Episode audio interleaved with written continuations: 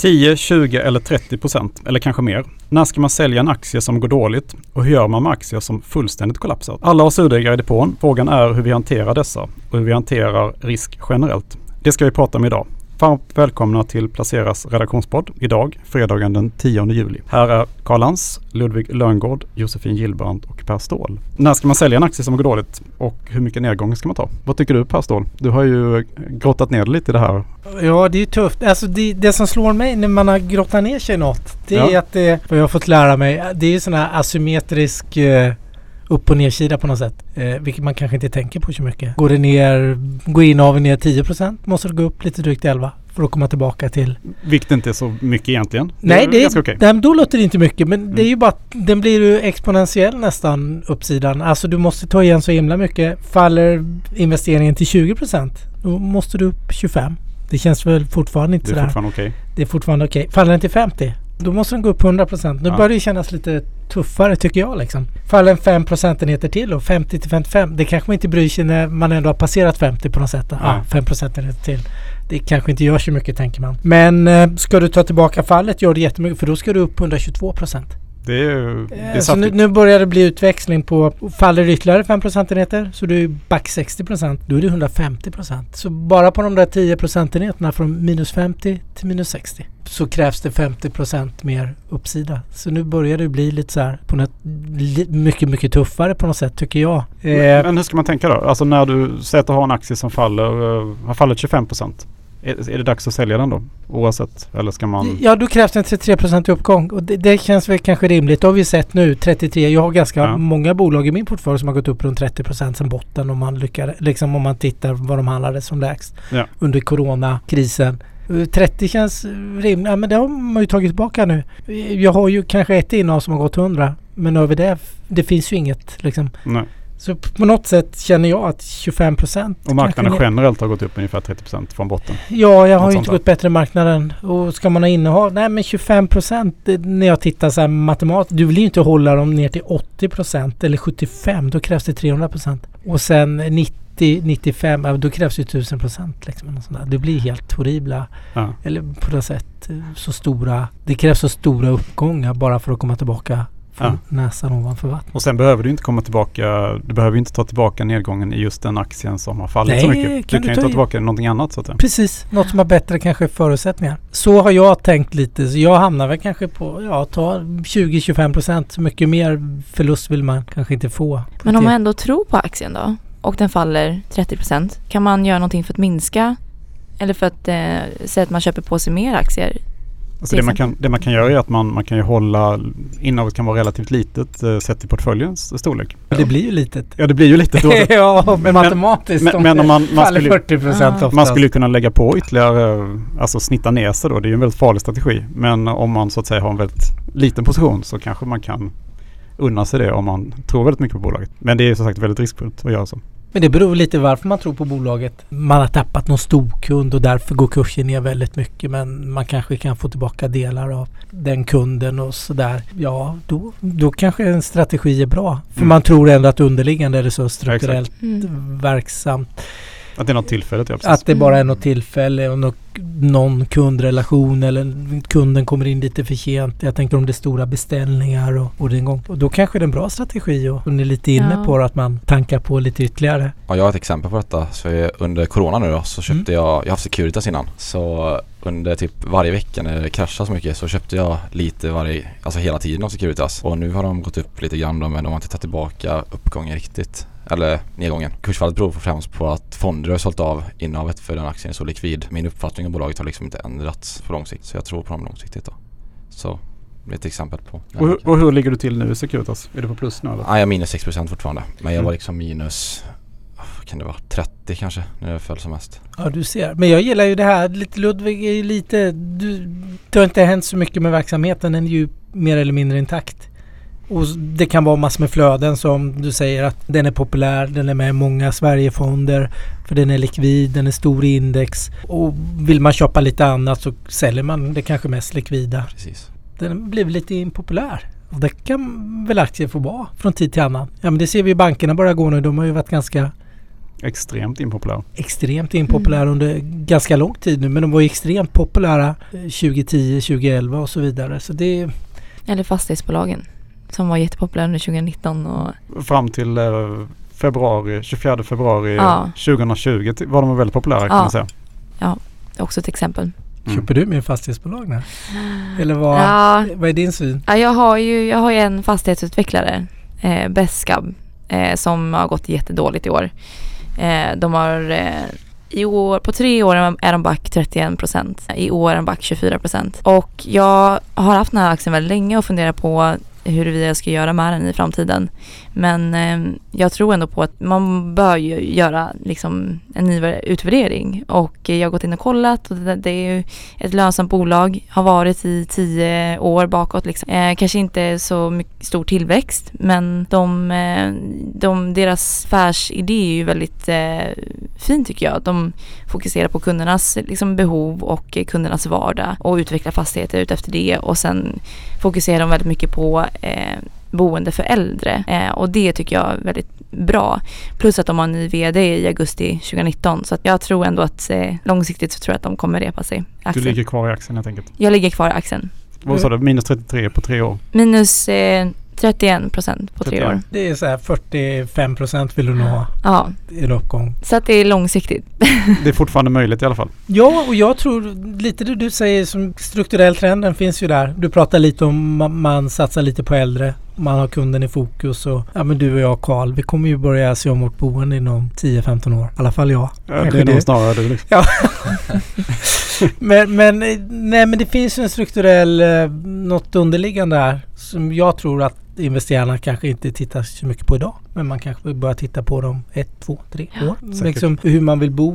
Vi kommer få en allt större del som är äldre som är ganska välbärgade. De, de är ju sannolikt mer förmögna än vad tidigare generationer har varit när de går in som pensionsålder eller Mm. med boende och kanske har lite andra krav på boende också. Hur man vill ha med, med tjänster och Mm. eh, och sånt eh, som kanske då är en aktör som kan Ja men jag, jag, tror, jag tror nästan det och att man, man får ju, alltså sam, befolkningen får ju det bättre och bättre hela tiden. Eh, Rent eh, ekonomiskt också, olika parametrar. Men jag tror, jag tror verkligen som du säger Per att det kan, eh, kan falla sig in eh, sen efter att den här liksom, hysterin kring corona har lagt sig lite och eh, det börjar, man börjar liksom kolla på andra potentialer liksom. Så om vi ska sammanfatta det här lite grann då så man ska börja bli vaksam när en, eh, när en aktie faller kanske 10% och man ska verkligen eh, göra en, en rejäl funderare när en aktie kanske gått ner runt 20% Det här är något man kanske snabbt ska slänga ut eller, in, eller, Eller dubbla så du är inne på. eller dubbla. Eh, Men om vi tänker oss då att man, man måste vara ganska snabb när man gör det här kan vi förmoda. Det kan ju gå väldigt fort på börsen, det vet vi. Lite för fort ibland. Väldigt fort, väldigt för fort. Eh, Hur gör man då om man missar den här, eh, man hinner inte sälja enkelt när det har gått ner 20 utan man, eh, man har en aktie som har gått ner ännu mer. Är det någonting man sk- ska låta ligga kvar i portföljen som kanske en påminnelse om att man inte är världens bästa investerare alla gånger? Eller ska man slänga ut det för att glömma det och tänka positivt för framtiden? Ja men det kan nog vara bra att ha det liggande lite och påminna sig själv om att man inte är helt felfri liksom. Men om man inte ändrar sin bolag, alltså uppfattning om bolaget så kan det ju fortfarande kanske, man tror att det är missförstått eller någonting. Men oftast är det ju inte det kanske. Nej. Har du någon sån här eh, aktielik i portföljen? Jag hade ett NRC Group som gör järnvägar. Eller, ja, Järnvägsunderhåll? ja precis. Mm. Eh, De föll jättemycket. De hade rapport och den var, det gick som ut med att de skulle göra en nyemission och det var liksom kaos i bolagsledningen och ja, jag tappade mitt förtroende för det bolaget så jag slängde ut det direkt och det har fortsatt rasa ganska bra efteråt fast nu Så vet du jag. gjorde rätt? Jag gjorde rätt där. Så det tror jag är viktigt att ta sin funderare på. Men är du sugen att gå in igen? För jag Nej. tänkte, ditt, jag tänkte, för det är ändå ett bolag du kan hyggligt mycket om. Du kan historiken, du har ägt det. Eh, ja men jag tänkte det finns ju heta trender. Mm. Om vi trendspanar lite, liksom Ja, att man kanske vill åka mer tåg, en grönare. Man gör mycket på EU-nivå nu för att det ska bli en grönare och mer hållbarare värld vi ska leva i. Det, det passar ju tåget in väldigt bra. ja. Eh, och jag, i min värld, jag är kanske naiv men järnvägsunderhåll är Mm. säkert Känns ju eftersatt. bra. Känns ju attraktivt. Jag kan ju mm. tänka mig att det är eftersatt överallt utan Ja. kanske i Schweiz eller någonting. Men alla länder i princip ligger lite minus på järnvägsunderhåll. Eller många i alla fall. Ja, särskilt Sverige tänker jag. Jo men särskilt Sverige. Men jag tror att det är inte så många länder som ligger plus. Eh, liksom att det är lite för överinvesterat i... Ja, men jag tror att Ja. Frankrike och Spanien tror jag är väldigt bra järnvägar. Ja. Och väldigt bra höghastighetsjärnvägar Mm. framförallt. Mm. Eh, och där ligger vi ju långt efter här i Nordeuropa då, om man skulle, om man nu tror på höghastighetsjärnväg och det transportsättet så att säga. Men eh, absolut, jag tycker att eh, alltså rent själva marknaden borde ju vara väldigt bra framöver. Men är frågan om då NRC kommer att vara det, Ja, det, är bolaget frågan. som Det kanske finns andra kan profitera på det. Ja, det finns ju flera aktörer. Det är ju, Jag menar, det är ganska låga marginaler i den branschen också så det är det som är lite problem också. Jag tror inte du vill bli påmind. Du vill inte Nej. ha in det i portföljen. Då blir du... Då helst är det här att du blir påmind Ja. om en riktigt dålig investering. Mm. Har Josefin, har du något, eh, något sånt här lik i portföljen? Ja, jag hade ju SAS eh, och jag, hade, jag höll så hårt i den aktien så länge just för att jag, det här med kill your darlings eh, begreppet, jag, jag kunde bara inte med att sälja av det med sån stor förlust. Eh, så jag höll den i säkert tre år tror jag och den aktien är nere på tre år är nere 58 procent. Så att, eh, men där, jag, jag, tänkte, alltså, jag tänkte om lite för att jag, jag om man ser så här vad pengarna liksom eh, man har i aktien, kan de eh, nå större avkastning om de får ligga någon annanstans? Exakt. Trots att man har förlorat väldigt mycket på det. Ja. Så att visserligen så gick jag väldigt mycket back men jag fick, eh, för att jag, jag sålde av alla, min- all, allt mitt innehav i SAS och sen köpte jag, eh, jag tror att jag, det var en del tillväxtaktier som eh, de pengarna fick gå till. Som har på, under den här perioden sedan dess har ju de liksom fått växa till sig ordentligt. Eh, någonting som de absolut inte skulle ha gjort ifall jag skulle ha behållit. SAS. Så att det, det är jag ganska nöjd med. Så ibland kan det ju vara bra att kanske tänka till att även fast man har eh, förlorat väldigt mycket så kan pengarna jobba eh, mycket, mycket hårdare för en om de får ligga någon annanstans ändå. Och en annan grej att, som jag tror är viktig att när det, när det sker sånt här eh, börsras är att man eh, liksom tänker på varför man har köpt aktierna för första gången eller för alltså, någon gång och att man inte går så mycket på spekulationer eh, och liksom blir rädd med marknaden eh, och drar sig undan på grund av det utan att man är lite så här eh, ärlig mot sig själv. Eh, är det, vad är det här för bolag jag äger? Och helst ska man inte göra en sån utvärdering när eh, raset väl sker, eller väl sker, men, men det här ska man göra liksom, kontinuerligt och tänka till liksom, för att det inte, behöver inte vara liksom, negativt att hälften av aktierna går lite sämre eller kanske lite dåligt till och med medan andra hälften går väldigt bra. Just för att det är syftet med att de ska komplettera varandra. Hur ofta gör du den här utvärderingen? Jag, jag är inne väldigt ofta och kollar mina Ja. aktier. Eh, men just den här utvärderingen gör jag kanske ett par gånger om året. När jag sitter eh, och kollar igenom årsrapporter och eh, ser över och läser på lite mer eh, om det kommit ut några nya nyheter kring som BESKAB nu till exempel en ny, en ny vd i höstas eh, vilket brukar oftast vara ganska positivt. Så att eh, ett par gånger om året försöker jag ändå göra en lite mer djup eh, analys, fundamental analys. Per, hur gör du med dina lik? Har du några lik? Eh, Nej, jag försöker inte ha kvar. Jag, jag är mer kanske som Ludvig. Jag vill få bort dem och boosta mig själv och göra mig till en bättre investerare än vad jag Du, är. du vill sälja och glömma snabbt? Ja, lite så är det faktiskt. Definitivt. Och särskilt mer nu när jag tittar på den här asymmetrin i avkastning på upp och nedsidan så känns det... Det är väldigt uppenbart att man eh, ska vara väldigt försiktig där om, om du har en aktie som faller mycket. Nej men jag tänkte här, du, 50, minus 58 procent, det krävs 150 procent är vi, alltså ungefär för att ta tillbaka, för Mm. att komma tillbaka. Plus Ja. minus noll. Hittat andra snabbväxare. Jag tror de har väl inte flugit upp direkt SAS efter du sålde dem om vi ska vara Nej, de, vänliga. eh, de, De, har ju fortsatt, liksom att falla. Eller, Ja, de har inte så mycket luft under vingarna. Nej. Ja, men det är svårt. Jag håller med. Men jag är med det. Det är smärtsamt men det är lite som att rycka plåstret snabbt istället för att... Och sen vill jag väl lura mig själv lite att jag är en större stjärninvesterare än vad jag Men det är ju en stjärninvesterare. Nej men det, det är ju lätt. Ja men antingen om man kvar det för det gillar man kanske och ska man säga på småländska späka sig själv lite att man på något lite lutheranskt att du ska inte tro att du är bäst liksom och sådär. Men, men nej, det är inte min stil. Det är Luddes stil på mig. Bort med det, riv bort det och jag inte ens glömma bort det. Och Ja. investera, I något som kan gå bra istället. ja, ja men precis. Mm. Lite försöka Tänka med- framåt. tänk, ja, tänka framåt och vara lite osentimental med investeringarna. Mm. Sådär mer bort. Mm. Nej, men för egen del eh, har jag också tänkt sådär att eh, jag vill också tidigare alltid försökt sätta en gräns på ungefär eh, om en aktie faller mer än 20% så, ska den väl i princip åka ur. Och det ska nästan ske lite per automatik. Eh, Såvida det inte det då, då är ett eh, corona eller något sånt där som får aktiekurserna att falla generellt. Ja, hela, ja precis. För att det är ju något helt annat. Eller om det då bara beror på någon tillfällig eh, nedgång. Där man då kan kanske se att det finns en uppsida lite längre fram. Men annars ska aktien ut när, det, när den har gått ner mer än 20 procent. har varit en sån generell regel jag försökt följa genom åren. Ja, men det känns ju som vi landar lite där. Fast vi lyckas få med lite då 58 procent och 80 någonting då. Som man själv, nej, men, Ja, det, det Men- ibland men hinner det- man inte liksom. nej, ibland hinner man inte och det finns lite andra sådär. Det, man har sin egen process. tar lite längre tid än den kanske borde göra av diverse olika anledningar. Så 20 procent. 20%. Stopploss 20 Stopploss vid 20 procent. procent kan man väl säga. Om man hinner ur där så, och vi inte ser någon uppsida i närtid så är det väl Ser smart. man det så dubblar man. Exakt. Men jag tänker också, om man då väljer att dubbla då kanske det är bra att tänka på hur allokeringen är i hela portföljen också. Så att vi inte, har ni några liksom riktlinjer där för hur stort ett innehav får vara i portföljen? Jag har inte det direkt alltså. Jag har inte, Det får vara hur stort som helst. ja, Men hur stora inte innehav har du? helst. Nu blir jag orolig här. Ja, Ludvig. det låter hemskt. Du lät så förnuftig nyss. Men nu är du... Ja men inte för stort. Jag, vet för inte, stort? jag har ingen gräns riktigt men alltså inte Kan det vara halva procentsats. portföljen? Nej, nej, nej, nej, nej, inte så stort. Men 20 procent. nej, det kanske jag, det är för mycket.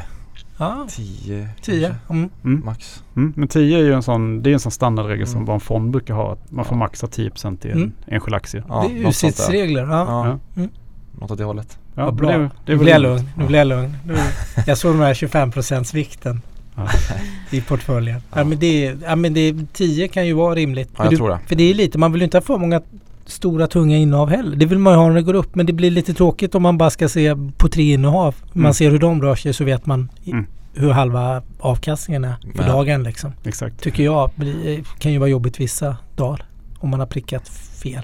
Då får man vara långsiktig. Precis. Ja, då måste man vara jättelångsiktig och ha en jättestark tro på att det är väldigt bra. Men tycker inte ni det är roligt när liksom, man har en portfölj med flera, liksom när man känner att man har Liksom de kompletterar varandra. Vissa dagar går några bolag bra och andra liksom kommer något annat i portföljen. Och lite sådär, lite jämnare. Jag känner mig lite smartare då. Jag vet inte hur ni eller... Alltså jag tycker det är superkul att eh, kunna ha en, för jag har ju alltid velat ha en spridning och varit, velat vara liksom inne i eh, många marknader. Och, och, så jag tycker det är otroligt kul att se att de eh, kan komplettera varandra. Att man på det sättet kan liksom tajma lite toppar och dalar eh, och få mer jämn avkastning över tid. Men ja, hur gör ni med om ett innehav går upp mycket och ser att det är ett stor del av portföljen? Skalar ni av det då eller? Ja, alltså teoretiskt eh, i min egen teori så ska, jag, ska ju ett innehav inte få lov att vara större än 10% av portföljen. Eh, så att om, om det då är den positiva situationen att ett innehav går över det så ska man sälja av det successivt. Men nu pratar du ju teori och praktik. Vi vet ju att det brukar ju vara två, två världar som ibland,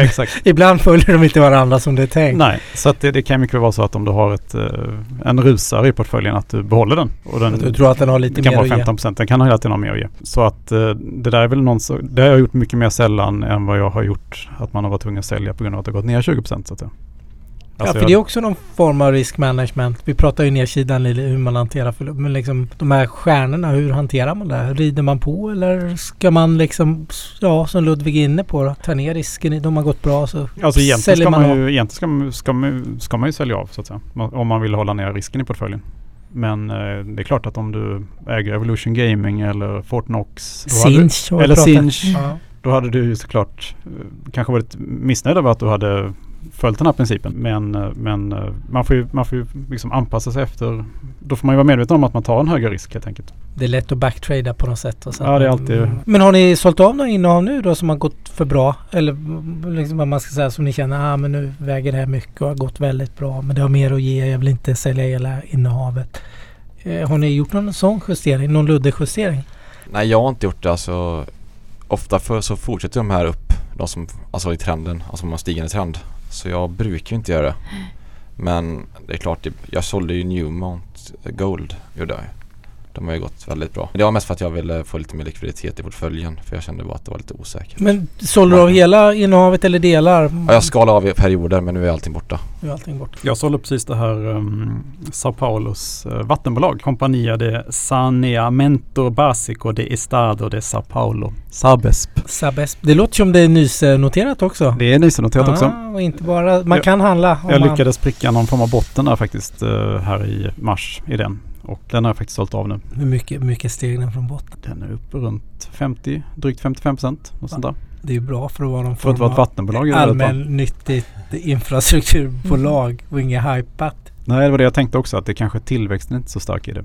När det väl har gjort den här justeringen upp igen eh, med valuta och allt. Då, eh, då ser jag inte en, en jättestor uppsida än. Du har varit inne och bottenfiskat i vattenbolag. Det är lite roligt. ja. Tycker jag. Alltså, Ja. rent Alltså de amerikanska vattenbolagen följer inte så mycket. Men det här bolaget följer mycket då. Men det var mycket på grund av valutan när till brasilianska realen kollapsade. Och Men politiska du, situationer. men du har skalat bort det helt nu då? Nu har jag faktiskt skalat bort det helt och hållet. För Mm. det blev stort i portföljen och... Det blir stort i portföljen, uppgången var så bra och jag ser kanske ingen, eh, ingen fortsättning på det riktigt utan att den kanske ska ligga här någonstans och, och ticka. Sen kommer det ge den såklart utdelning och sådär så att det är ju en aktie man skulle kunna ha långsiktigt i portföljen. Men eh, jag vill ju ha sånt som går upp mer och på längre sikt som dina techbolag till exempel. Mina techbolag. Jag har inte sålt av någonting. Eh, Jag har haft en del techbolag också som har gått otroligt bra. Eh, Men sen så, det, det, man ser ganska stor potential i, i, i den marknaden också. Eh, och det, jag tycker att det är många av de här bolagen är liksom på början av en eh, lång resa i, i den här digitaliseringen och allting. Så att det, jag tycker att det är bara spännande att behålla. Eh, så det är lite av den anledningen som, att jag, som jag inte, som gjort att jag inte har sålt av så mycket. Eh, utan under den här coronakrisen så har jag fortsatt att gå in varje månad lite grann. Eh, jag vet att vissa gick var, in varje vecka till och med. Just för att det var ganska volatilt under den perioden. Har du sålt något då Per? Ja, jag har sålt ner lite Vadå för något? eh, i två techbolag. Vilka Kanske då? inte så vanliga. Eh, eller tech. Det ena techbolag. Det är Yandex. Det är en Det ryska Google? ryska Google. Har gått, den har gått väldigt bra. Mm. Men var det mer än 10% i din portfölj? Ja, det, det, den, den touchade lite för mycket. Och sen Tal Education. Nu snackar vi Det kine, kinesisk kinesisk EU-utbildningsbolag som också har gått väldigt starkt nu då. Så de blev lite stora. Så bara sålt av på marginalen. Men tror fortfarande på temat och tillväxten. Och eh, det är vad jag har gjort. Men jag, de är nedjusterade bara lite sådär. Och tagit pengarna till nya investeringar. Vad har du gjort för nya investeringar Jag har ju kört, ju pratat om tidigare, det är ju Prosus. Känner ni till Prosus? Ja, Amsterdam. Ja, du känner till. Många känner inte till det kanske. Det är ju, Men berätta vad, vad är Amst- det är ju egentligen Naspers spin-off. Och vad är Naspers för något? Ja, då är, vi- snackar vi Johannesburg-börsen. Då snackar vi en av världens bästa investerare. De var inne i Tencent väldigt tidigt. Kinesiska IT, eh? IT-undret får jag väl säga. Ja. Tech-undret. Techundret. En, en av de två där borta, Alibaba och Tencent då, som Mm. har gått så här kopiöst mycket på 20 år. Det är ett, eh, ett internetkonglomerat kan man säga som är noterat på Amsterdambörsen. Men, men förklara skillnaden mellan Naspers i Sydafrika och eh, Prosus i Amsterdam. Um, är, är det någon skillnad mellan de två? Ja men det nu är det ju en stor skillnad. Det, det, var ju, det var ju ett bolag tidigare. Man har ju Tencent är den stora. Man har, äger 31% har man kvar. Äger 33 tidigare. Man har en, tredjedel av bolaget och klassiskt man har handlat med jättestor rabatt och sådär. Eh, man, har köpt, man har kunnat köpa Tencent väldigt billigt. Det är flera kinesiska förvaltare har gått den vägen istället för att köpa Via sydafrikanska börsen? Ja, istället för att köpa Tencent och på Hongkongbörsen som man köpte där. Ja. Eh, och sen eh, kom man på att man skulle lägga alla de här...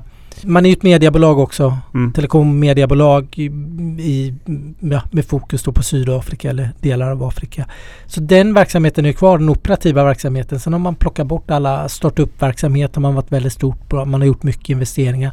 Man köpte ju senast Avito, Ryska blocket? ryska blocket från ett annat svenskt bolag som är noterat som du känner till. Vostok New Ventures? Precis. Mm. Eh, och man, man har ju jättemycket investeringar i Östeuropa och Europa och sånt och inom food delivery och betaltjänster och allting då. Så det har man, bann man av, kan man säga så på svenska? Ja, men man, Ja, man, man plockar, av det. man placerar på Amsterdambörsen. Där finns det nu då ett, eh, vad ska man säga, ett, ett jättestort internetbolag då som europeiskt noterat och har stor, väldigt stor verksamhet. Förutom då i Kina har man ju en stor verksamhet så man får mycket av intjäningen Mm. från Tencent. Då. Men man har väldigt mycket ryska investeringar, mycket i Östeuropa och även europeiska då inom food delivery. Delivery Hero till exempel? delivery Hero. Svenskstyrda bolaget? Precis, Mm. ett av de stora innehaven. Mm. Och sen har man 20%. betalningar i. Indien, betalningstjänst i Indien då. Jättespännande bolag.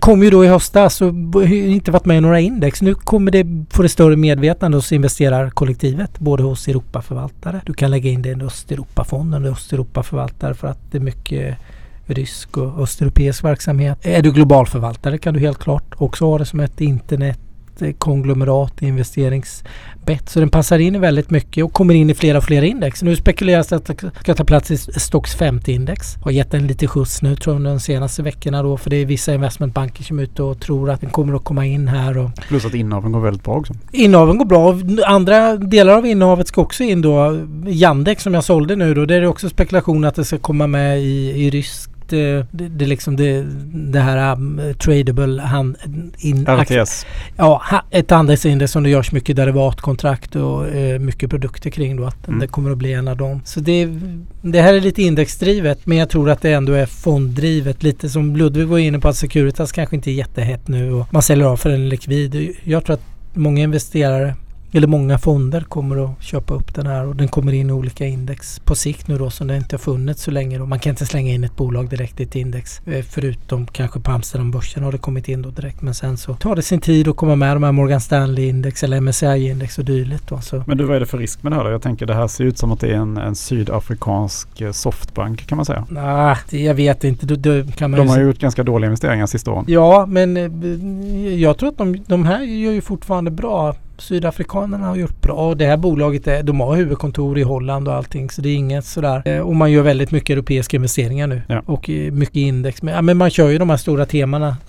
Nu pratar digitaliseringstema, betaltjänster, e-handel. Man är inne på in, inom resor, resesajter då så här digitalt. Så det är ju väldigt hårt mot digitalisering. Ja, vi får se. Ja men det är Där har jag skjutit in tycker, lite pengar. jag, Jag- tycker det är jätteintressant också. Mm, Eh, vi har pratat Naspers och eh, Rossus eh, tidigare då. Vi, vi får se.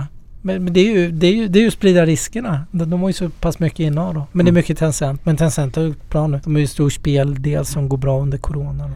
Ja. Och det är välskött. Kommer ha den här aktien alla gånger. Jag har köpt det till mina barn också. Liksom, de är ju unga och ska ju... De är ju bara början på sitt eh, investeringsliv då. Så Mm. den här tror jag, det är en sån där man kan... Ja men som Investor kan man ju... Det är ju sånt där man kan äga jättelänge. Jag får erkänna att jag också köpt Prosus då. Och eh, har ägt Prosus i ganska länge. Eller inte länge men så länge den har Gått att äga? gått att äga ja. och även ökat lite i den. Jag har ju valt att öka lite grann i eh, eh, tyska halvledaren Infineon också. För att jag tror på eh, energiomställningen här och eh, även på elbilsmarknaden då. Och då är Infineon världens starkaste eh, inom halvledartekniken. Där har jag lagt en liten, liten post. Har du, har du gjort någonting Josefin? Sista veckorna eller månaderna? På den fronten, när det kommer till, eh, du sa elbilar Ja, och jag tänker vätgas. Just det. Jag eh, eh, äger ju Powercell Jo, det känner vi till. pratat om det tidigare, tjatat om det ganska mycket. om. Jag brukar skryta om att jag har ägt det så länge nu. Mm. Nej men jag, jag, eh, jag har valt att inte köpa på mig mer där. Utan Nej. snarare tvärtom då. Jag har inte sålt någonting ännu. Men eh, det är snarare det jag lutar åt i sådana fall. För den är otroligt eh, högt värderad nu. Mm. Så att eh, det, jag känner, inte, att- jag känner att den är ganska dyr. Och det är många insiders som har sålt också. Precis, så att man ser att det, är- det är så här, folk börjar liksom eh, backa lite i den aktien. Jag, eh, jag, jag, försöker, jag ska nog spana lite efter andra, om det kan vara konkurrenter eller andra spännande bolag i, som sysslar med liknande. För jag, jag tror liksom på det konceptet. framöver. Ballard Power finns det ju i Kanada till exempel. Precis, exakt. Som är väl någon, ungefär samma sak som Powercell. Ja, Mm. exakt. De kör också det här bränsleceller. Så att det, och det är ingen, ingen av de här som har kommit igång riktigt ännu. Nej. Med kom, liksom, komma ut på marknaden med sina produkter. Hur är det med Eh. NEL då? NEL, norska. Precis. Det är tankstationer va, för Ja. vätgas. De eh, är ju lite nischade på den fronten också. Och det är samma där. De eh, håller också på komma igång. Så att det, det, det är definitivt sådana typer av aktier som eh, kan vara bra att kolla lite mer på. Mm. För att eh, Powercell är ju jättehypad. Eh, och alla, alla, den liksom drar till sig allas ögon när, när, så fort man nämner vätgas.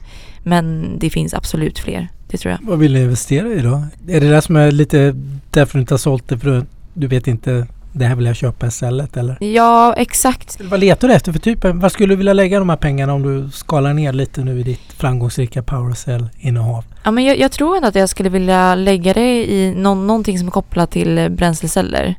Eh, för att el, alltså batteridrivna fordon, det funkar för bilar. Men när det kommer till tunga lastbilar så måste vi hitta någonting annat helt enkelt. Och eh, där tror jag att eh, just eh, alltså, eh, producer, alltså sådana som är med i, i någonstans i den här värdekedjan, värdekedjan eh, för bränsleceller. Eh, sådana bolag, vad det nu kan vara.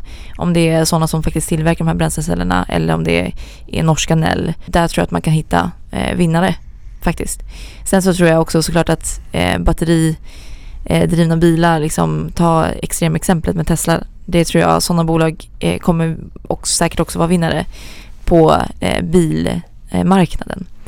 Men eh, det, jag har inte riktigt eh, hittat någon specifik, in, något, någonting som verkar tillräckligt intressant ännu. Du får återkomma till det när du har hittat någonting. Ja, det ska är vi jag. väldigt intresserade av att höra det. Ja. Ludvig, har du köpt något? Ja jag köpte Facebook jag förra Ja, veckan. det var väl ett bra köp, eller? Ja det har varit jättebra. Uppe 11 procent nu. Mycket? Va? El- 11. 11 på en vecka. Dessa Ja. fangbolag, de Ja, bara det är- går och går och går. Ja. Mm. Men jag tror det kommer lägga sig där med bojkottarna de gör mot dem. Och dessutom investerar de väldigt mycket i att ta bort, jag har här att de har tagit bort liksom 90% av allt hat innan det kommer ut då. Så rensas det. Mot 2017 som var 23%. Så hatfiltret är, Ja, det är ganska ökar liksom. effektivt. De har precis. skruvat upp rejält alltså då. Precis. Mm. Mm. Och sen har de ju väldigt bra eh, ebit-marginal också. Den ligger där på 20, vad var det? 33% ungefär. Mums, säger jag. Så jag gillar det. ja, Och sen har de så starka varumärken också så ja. Jag tror verkligen på dem på lång sikt. Och hela digitaliseringstrenden också. Det har ju med det att göra med. Ja men var inte Facebook, var inte de snabba att byg, bygga någon sån här uh, video... Uh, Jo som TikTok. konferens? Ja, Eller vilka? är det TikTok de har byggt? Eller- Nej jag tänkte också med videokonferenser, videostreama, möten och sånt. Precis, de Lite kom ut med en eh, konkurrent Ja, Zoom. så de är ju snabba och de har ju, ino- ja du pratar ebit-marginal, vi kan ju prata enorma kassaflöden liksom. Så Ja, det finns ju mycket kapital och mycket kunskap att göra eh, spin-off-tjänster eller vad man mm, får säga. Och de är ju inne, de håller ju på med sitt eh, du som gillar digitala mm, eh, betalningar, de håller ju på med sitt Libra-projekt. Kanske går lite på sparlåga nu. Och, men men det, de har ju ändå stora ambitioner inom väldigt mycket inom digitalisering. Per, vi har pratat om det, det här med eh, vilka som var världens eh, tio mest värdefulla bolag för tio år sedan och vilka som är det idag. Och det är ju rätt få bolag. Det är väl bara Microsoft som är kvar där på den listan. Om vi tänker tio år framåt Mm. så eh, kanske vi kan tänka oss att det är något liknande. Ja, ja men det tror jag. Och Microsoft var ju faktiskt för 20 år sedan också. Också, ja, och för 30 år sedan. Det glömmer man bort. Microsoft kan vi hylla igen. Jag tycker man kan hylla det varje gång. Ja. Det kanske finns de som inte gillar det. Men de är också duktiga. Men det är lite Facebook. Jag tror att amerikanska bolag har lite den. De har ju blivit så stora nu. Och de kan lätt göra nya bra tjänster som är good enough liksom för sin kundbas då. Och fylla på om det nu är videochatt eller om det blir betalningslösningar. Eller nya valutor liksom. Som, de är så pass innovativa. De är Mm. stora och innovativa. Och jag, jag tror du har en... Ja, det ska bli intressant. Jag är jättespänd att se hur de stora framgångsrika bolagen ser ut. Hur listan ser ut om tio år. Alltså det som kan ha hänt är ju att till exempel bolag som Amazon att det eh, styckas upp helt enkelt i, eh, i andra mindre bolag. Men det behöver inte vara sämre. Och det är förmodligen för investerare inte alls sämre. Nej, eller det vet vi ju. Vi har ju alla läst finanskurser. Mm. Mm. Delarna är ofta värd, värda mer. lite mer än helheten. När man väl börjar titta på det och sådär. Så det, mm, vi får se. Facebook, spännande. Ja det ska bli intressant. Är du, tittar du på några andra digitala bolag eller sådana här fangbolag som är intresserade? Eller bara, är det, är, du börjar på F1, du börjar direkt. Du börjar längst Ja. fram i fang. Så nästa Precis. blir, Vi får se vad som händer. nästa blir Apple eller om det är Amazon som ska vara det. Kanske Ja. är Apple som... Ja men jag hade Apple innan hade jag. Men jag funderar på Adobe också intressant tycker jag. I den här SAS-modellen då, intäktsmodellen. Mjukvarubolag. Precis. Mm. Eh, så vi får se vad som händer. Men jag tror på den trenden, digitalisering. Så vi får se. Jag har ju kört, köpt lite amerikanska småbolagsindex, Russell 2000. Och jag har ju sett att det eh, korrelerar ju, eh, har inte gått, gått så bra ihop med resten av börsen. Men jag tänker att eh, det kan ju vara något som kanske där det finns en viss catch-up-effekt fortfarande. Du kör ett bett emot eh, Ludvig då? Han har ju, kör ju, fangbolagen har ju fortsatt upp och de dominerar ju mer än någonsin nu den amerikanska börsen. Och gjort att de här mindre och medelstora bolagen inte hängt med riktigt. Men, det du är ju ett småbolagsbett. Men det brukar ju faktiskt vara så att när, eh, när riktiga konjunkturvändningar kommer då är det ändå småbolagen som ska växa snabbast. Så att eh, om, vi, om vi får en riktig konjunkturvändning då kommer de här att rusa. Och det kommer gå ganska fort tror jag. Men vi får se. Största bolaget på Russell 2000, vet ni vilket det är? Ja, det vill jag veta faktiskt. Det är Teladoc Health. Ja, Teladoc. Men det är klart. Det är ju de som ger, det är sån här digital eh, lack, eh, lack, rådgivning. Eh, häls, vad säger man? Hälsorådgivning? Ja, E-hälsa eller... E-hälsa. Babylon typ. E. Ja, precis. Mm. Ja men det är intressant. Ja, men de har ju gått du, Hur bra som helst. ja, men över 100 procent eller någonting i Ja, år säkert. minst. Mm. Det är klart, då blir man störst även bland... Är det små och medelstora bolag i det där indexet? Ja precis. Det är ju, jag tror att eh, genomsnittsbolaget är väl värt ungefär 8 miljarder svenska kronor. Så det är ju inte, det är inga riktiga, det är inga jättesmå bolag, bolag egentligen. Men ändå är det ju förvånansvärt volatilt tycker jag det här indexet. Det, är fortfarande ner eh, ungefär 17 procent på året. Så att eh, det laggar ju ganska rejält. Men det är klart, när USA öppnar upp mer och mer. För de här bolagen är ju väl USA den dominerande marknaden. Kan jag Ja, ja, tänka mig. absolut. Liksom, Det det är det. där du har Det intjäningen. Och kanske vissa delstater bara i vissa fall. Men Mm. eh, när USA... Ja, nu går kanske trenden åt fel håll där. Men liksom om några veckor när man ser att det börjar öppnas upp och det lugnar ner sig med Corona. Så det är klart, det kanske vi har vinnare. Höstens vinnare. Vi får hoppas det. Ha, ska vi ta helg då? Och sommarlov kanske också för Ja. vår del. Mm. Per och jag går på semester Vi nu. går på semester. Tycker jag låter bra. Det låter bra. Mm, ha det bra. Hej då. Hej. Hej då. Hej.